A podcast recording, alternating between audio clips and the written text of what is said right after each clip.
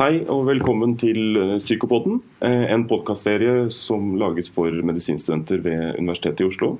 Eh, og Jeg heter da Erlend Strand Garsjord, og i dag skal vi snakke om depresjon. Og med oss til å diskutere depresjon, da har vi Jan Ivar Østberg. Hallo. Og du er Jeg er professor på Universitetet i Oslo og undervisningsleder i psykiatri.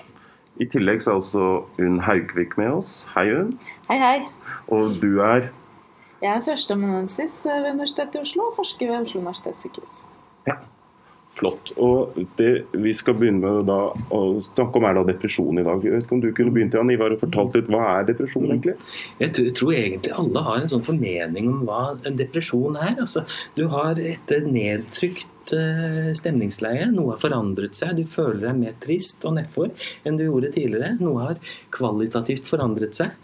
Og i den eh, depresjonsdiagnosen som vi bruker i, i eh, psykiatrien, så er det jo tre karakteristisk, karakteristiske kjernesymptomer.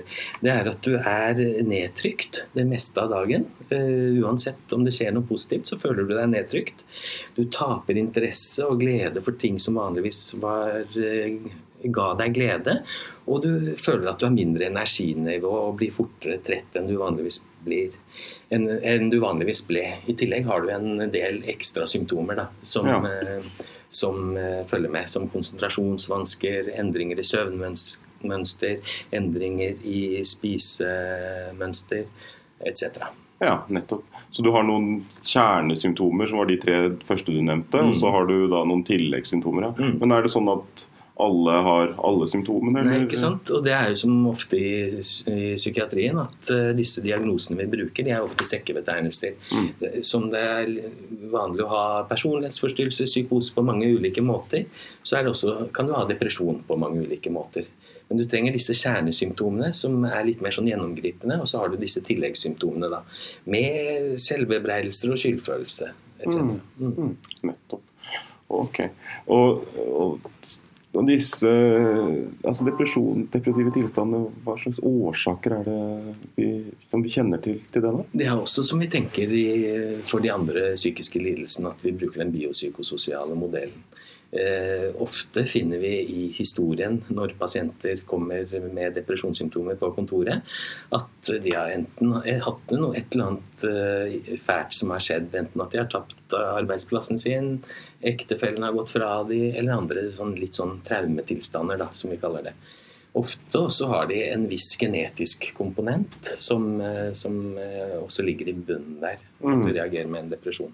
Så hvis du da, i, når, du, når du snakker med pasienten, eller møter en pasient der hvor du mistenker en depresjon, hva er det du ville vært interessert i å kartlegge da, for nettopp for å komme nærmere disse komponentene? da? Og ofte, ofte ser du jo Du må også ta hvordan de ser ut og atferden og alt sånt. Vi får jo ofte et innblikk om de ser nedstemt ut. Mm. Lite ansiktsmimikk, eh, eh, lite energi, eh, snakker lite og forteller om at de nå føler seg mer triste og nedfor. Eh, Så, så det ville jeg sett på i, starten, på en måte. Ja, nei, jeg, skjønner, men jeg tenkte også det kanskje du ville være interessert i, var jo det å høre om det er noen i familien som har hatt eh, eh, depresjon eller depresjonslignende tilstander, eller om det var eh, mer om det har vært i det aktuelle, om du prøver å kartlegge om det har vært noe som har utløst de plagene. da, eh. Nettopp for å Mm. eh, få fram eh, eh, på en måte en årsaksforhold rundt dette. da. Ikke sant? Og det gjorde vi jo før, eh, eller i, større grad. Altså at vi så eh, Vi kalte det ofte endogen depresjon, hvor vi ikke fant noen årsaker. Mens en mer sånn ekstern depresjon, da, hvis vi fant klare årsaker til depresjon. Jeg skjønner. Men, men noen vil jo synes det er vanskelig eller jeg, fordi man møter, Når man møter pasienter med depressive symptomer, så kan det jo være en vanskelig grenseoppgang om dette er en naturlig reaksjon eller en, reaksjon på, eller en forståelig reaksjon på belastningen, eller om dette er eh, behandlingstrengende. Jeg vet ikke om dere har noen tanker om hva er det man bør vurdere da? Det, det blir jo en sånn skjønnsmessig vurdering der og da som, eh, som legen må gjøre. Og se tilsvarer det som har skjedd at du skulle være så nedfor nå, og at det skulle vart over så lang tid. Og så må man vurdere det da sånn klinisk om Ja. eh, hva som er hva. Så det er på en måte både alvorligheten eller, og utformingen av symptomene og varigheten som de har vart da etter den belastningen. Ikke sant? Ja, nettopp. Mm. Ok. Um, men hvis vi skulle gå videre da og høre litt med, om hvor mange det er som opplever depresjoner i løpet av livet, hvordan er det? Depresjon er jo en av de hyppigste psykiske lidelsene vi har. Eh, så hvis vi ser på et sånt livstidsperspektiv, så regner man med at i underkant av 20 eh, får en depresjon i løpet av livet. Noe hyppigere hos kvinner enn hos menn. Eh, og en, hvis vi undersøker sånn over et års tid, så er det sånn 8-10 av befolkningen som lider av en depresjonslidelse. Mm, ok, Men det, men det er litt interessert i det der, Unn. så at Du nevner at, at kvinner er, har mer depressive symptomer, eller mer, oftere depresjon enn menn. Da. Hva er kunne, kunne, du, hva skal man si, kunne du hjulpet oss med å forstå det? Den ballen fikk jeg. Nei, det er vel noe som man har sett over tid, at, eh, og som har vært en diskusjon i forskningsmiljøene også. Dette her med at eh, altså, Hva er en depresjon? Eh, depresjon er jo noe som er kvalitativt annerledes enn hvordan man opplever seg selv til vanlig, eller hvordan man ser på verden til vanlig. Eh, og hvorfor Og så har man da utvikla visse sånne kriterier for eh, eh, hva, hva, hva, man kaller en depresjon, sant? som Jan Ivar gjorde ramset opp nå. og så har det vært en diskusjon rundt om dette her er fenomener som man ser mer hos kvinner. Mm. Rett og slett fordi kvinner snakker mer om dem, fordi de er utforma mer på en måte som passer kvinner. Jeg vet ikke om det er fordi man i mange år har forsket på deprimerte kvinner. Eh, mens man eh, For menn eh, så kan det jo være mer sånne atypiske symptomer som går litt under radaren. De setter seg i vedskjulet og begynner å spikke. De, med, de, blir mer irritable enn nedstemt.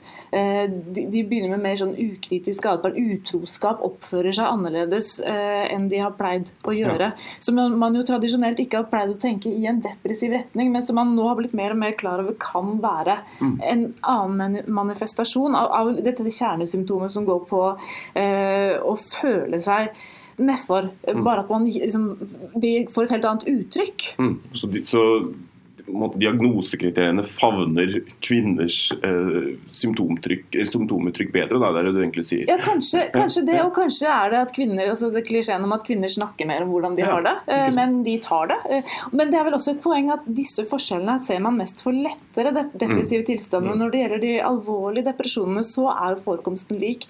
Og mm. det tenker jeg kan si noe om at det kanskje ikke nødvendigvis er en reell forskjell i prevalens, noe som man som lege må være oppmerksom på, men at det gir seg litt sånn like utslag, og at kanskje menn ikke engang kommer til legen ja. når de merker at det butter. Ja. Så det kan være litt ulik, ulik hjelpesøkende atferd også, eller mm. ulikheter i det. Ja. Mm. Nei, men det, det, For meg høres det plausibelt ut. Eh, hvis vi skulle snakke da litt om komorbiditet. Fordi Depresjon kan jo oppstå alene, men det kan jo også oppstå eh, som ledd eller som del av andre sykdommer. eller ja, i tilslutning til andre mm. sykdommer. Vil du si litt om det, Jan Ja, ja, Det er helt klart. og Depresjon er vel eh, ofte en komorbid tilstand også til andre psykiske lidelser. Mm. Hvis du tenker på psykosene, så vil jo 50% ha en depresjon. Eh, blant angstlidelsen vil kanskje 50-60% ha en depresjon i tillegg. Ja. Eh, så, så det er Og nå snakker du Lida, da snakker du livs, livsløs livsløpsprevalenser. Uh, ja. Det, det gjør jeg. Og, og, Vi snakker jo ofte om depresjon som litt sånn forkjølelsesdiagnosen mm. i psykiatrien. At den rammer ganske vidt og er med på mange av de andre psykiske lidelsene også. Ja, ja, nei, det er jo på en måte bare å liksom, Du har jo hele, hele lista ja. over komorbide tilstander mm. når det gjelder OCD, ADHD, mm. spiseforstyrrelser. Du kan bare liksom ramse opp mm. hele lista mm. over psykiatriske sykdommer. Så har du de som en personlighetspatologi, rusmisbruk altså, ja. Mm. I, I, tillegg tenker jeg at dette med rus er jo kjempeviktig når det gjelder depresjon. Også det med i kjønnsperspektivet at menn ofte har den tendensen når de blir deprimerte til å ruse seg mer enn kvinnene gjør. Og er man deprimert, så er jo det litt sånn selvmedisinering i hermetegn, da. Ja. Så det var den hva skal man si, komorbiditet i forhold til psykiatriske øh, sykdommer og mm. rus. Men hva med somatikk, da? Hvordan er det med det og komorbiditet i forhold til depresjon? Ja, somatikk, Det som er viktig med somatikk og depresjon, det er jo at visse somatiske tilstander ligner på depresjon. Sånn at når man da skal utrede en depressiv tilstand, så er det en del somatiske tilstander man er nødt til å utelukke. Så det er viktige differensialdiagnoser? Det er en viktig differensialdiagnose, det er det ene. Og det andre er jo, og det kan komme tilbake til hvilke det er snakk om, og det mm. andre er jo at man ved en rekke ulike somatiske sykdommer kan få en det som vi ikke får lov til å kalle reaktiv depresjon lenger, mm. men som i praksis er en reaksjon på sykdommen. Og mm. tenker hjerneslag, kreft, altså mange ja. somatiske sykdommer hvor man kan se en depresjon samtidig. Mm. Nesten alle, egentlig. Ja. Du kan si at somatisk sykdom er, måte, kan representere en belastning som fører til en depressiv uh, tilstand i kjølvannet. Man, er, det sånn, er, det riktig å forstå det sånn? Ja, ikke sant? som er mm. mer bare enn en sorgreaksjon mm. på sykdommen, men som er på en måte oppfyller altså, Som ser helt lik ut som en depresjon. Og det er ikke sånn at alle som får en sykdom, vil få den reaksjonen, uh, men noen. Ja. Ofte er det jo når du har en somatisk sykdom at du, at du, at du får tap av funksjon som kan bidra til denne, depre, denne depressive lidelsen i tillegg. tenker jeg. Mm. Mm. Men får jeg bare lov til å gå tilbake det til, det med, yes, til, det med, at uh, somatiske sykdommer som en differensialdiagnose. Ja, uh, fordi der er det jo noen sånne helt sentrale uh, tilstander som er veldig viktige å få med seg, som går på hypoteriose, som går på D-vitaminmangel, som går på anemi, som, går på, altså som er enkle blodprøver man mm. kan ta i en sånn setting. Så hvis, en, hvis, man har en pasient som kommer med på en måte energitap, nedstemthet eh, og liksom ser veldig ut som en depresjon, så skal man allikevel eh, ha i bakhodet at dette kan være en somatisk uh, års, årsak som ligger under. Mm. Man kan vel si det så sterkt at kommer det en pasient med depresjon på legekontoret, så skal man ta blodprøver. Det var det jeg hadde lyst til å si. Mm. Ja. Det tror jeg vi skal jeg tror vi eh, konkluderer med det. Ja. Ja. Eh, ok, så Da har vi snakket litt om eh, både om forekomst av depresjon og også forekomst av dette sammen med andre psykiske tilstander eh, og somatiske tilstander. Men, og, og, I forlengelsen har vi også snakket litt om utredning, både psykiatrisk og eh, somatisk. Hvis vi da skulle gått litt over Janine, til å snakke litt om behandling. Mm. Eh, kan du si litt om det? Jeg tenker Det blir veldig viktig å kartlegge før vi starter med behandling, hvor dyp depresjonen er. Altså, da kjenner de fleste nå til disse instrumentene vi har, vi har for å kartlegge dybden av depresjonen. Ja. Bl.a. Madres eller Hamilton Depression Rating Scale eller andre instrumenter som måler dybden av depresjonen. Mm. Eh, og da er det jo sånn at vi skiller mellom alvorlige, moderate og lette depresjoner. Mm. Mm de lette depresjonene, som ofte kommer til eh, fastlegen, så tenker jeg at eh, man kan ha en litt sånn se og avventende holdning og gi råd, være støttende i hvordan skal vi takle dette. Og så gir det seg ofte da at man eh, får en lettelse i humøret, sånn at det går bra videre. Ja.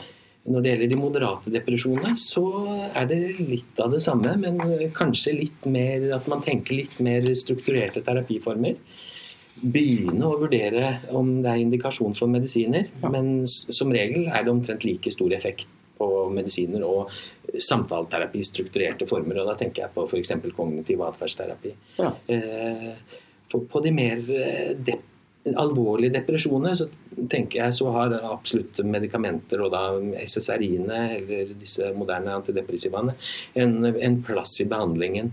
Ja. Eh, men, men ikke ikke uten disse samtidig samtaleterapi. Ja. Da skal du få begge deler, tenker jeg. Så det du kan si er at jo mer alvorlig eller dypere depresjonen er, jo sterkere blir indikasjonen for antidepressiva. Mm. Uh, og mens samtaleterapi er på en måte et element mm. på hele, si, langs hele denne um, alvorlighets, mm. uh, langs hele denne alvorlighetsskalaen. Da.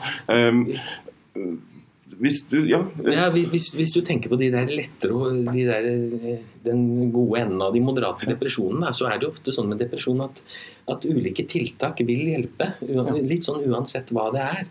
Altså Du ser å komme i gang med aktiviteter f.eks. Og, og gjøre noe annerledes, så vil du ofte få en eh, lettelse i depresjonen.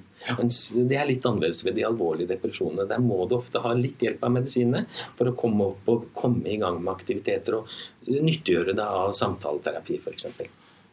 Nettopp. Så tenkte jeg på en ting, fordi at det er jo Ved de alvorligste depresjonene så kan vi jo også se eh, mer psykosesymptomer. Eh, og Jeg vet ikke om du ville sagt litt om den type symptomer hun Eller, eller dere ja. kan velge hvem som ønsker å hva, hva er det som, Jeg tar gjerne psykose. Kan du gi noen eksempler på sånne ja.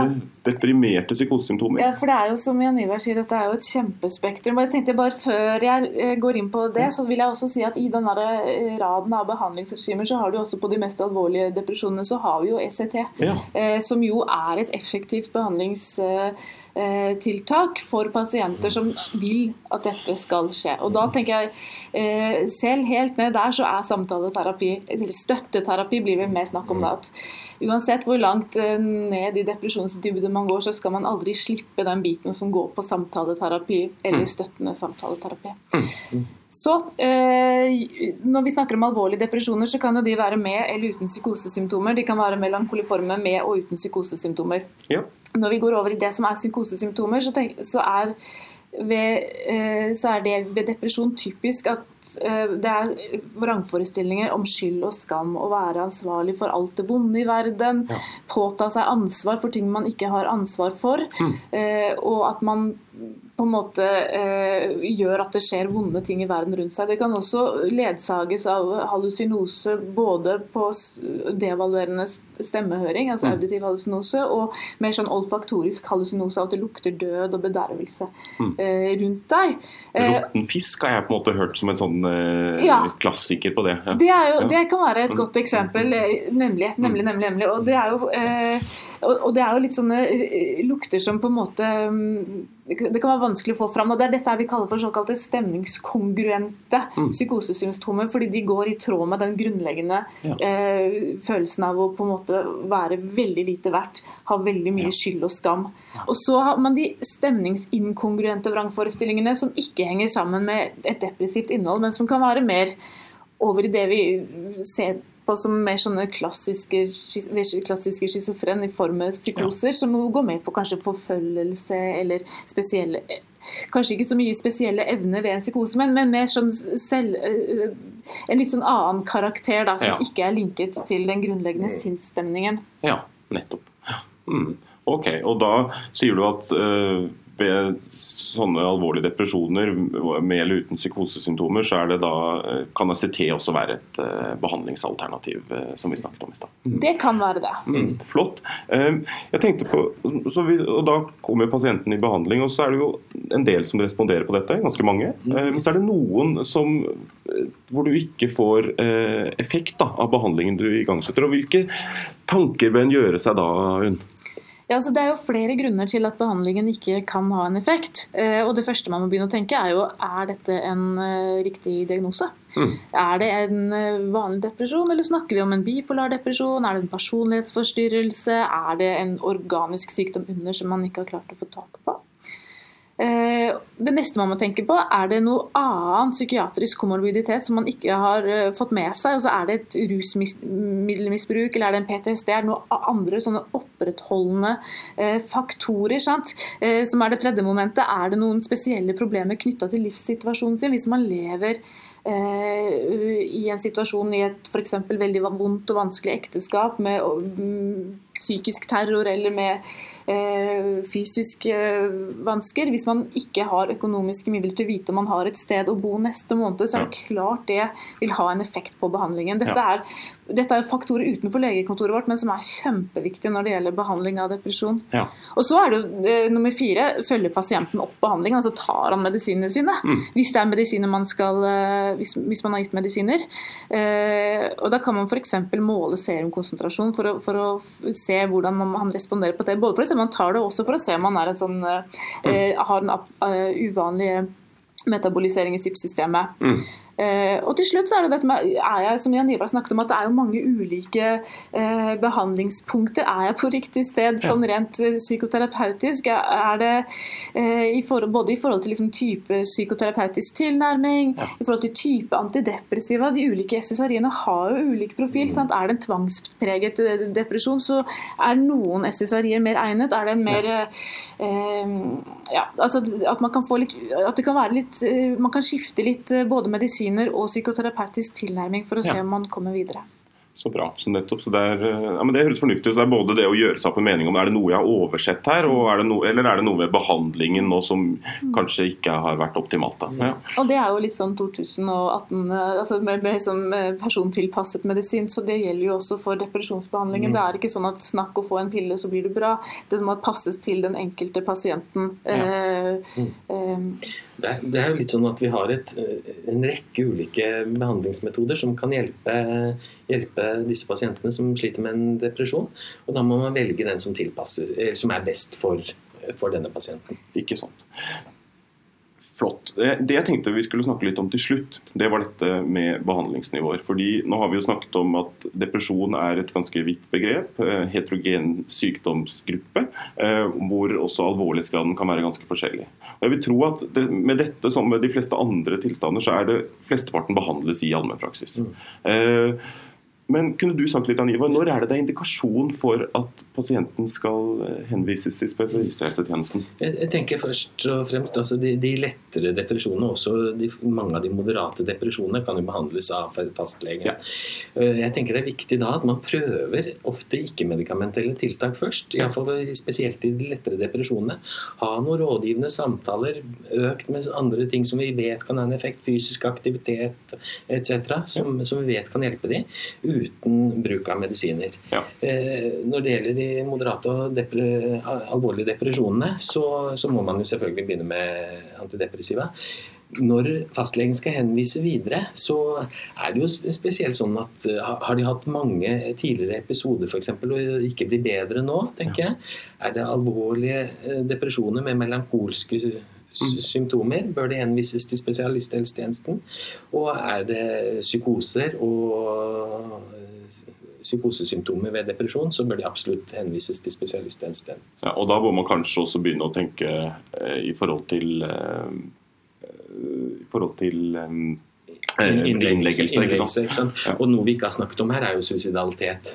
Dette må jo vurderes hos de deprimerte pasientene.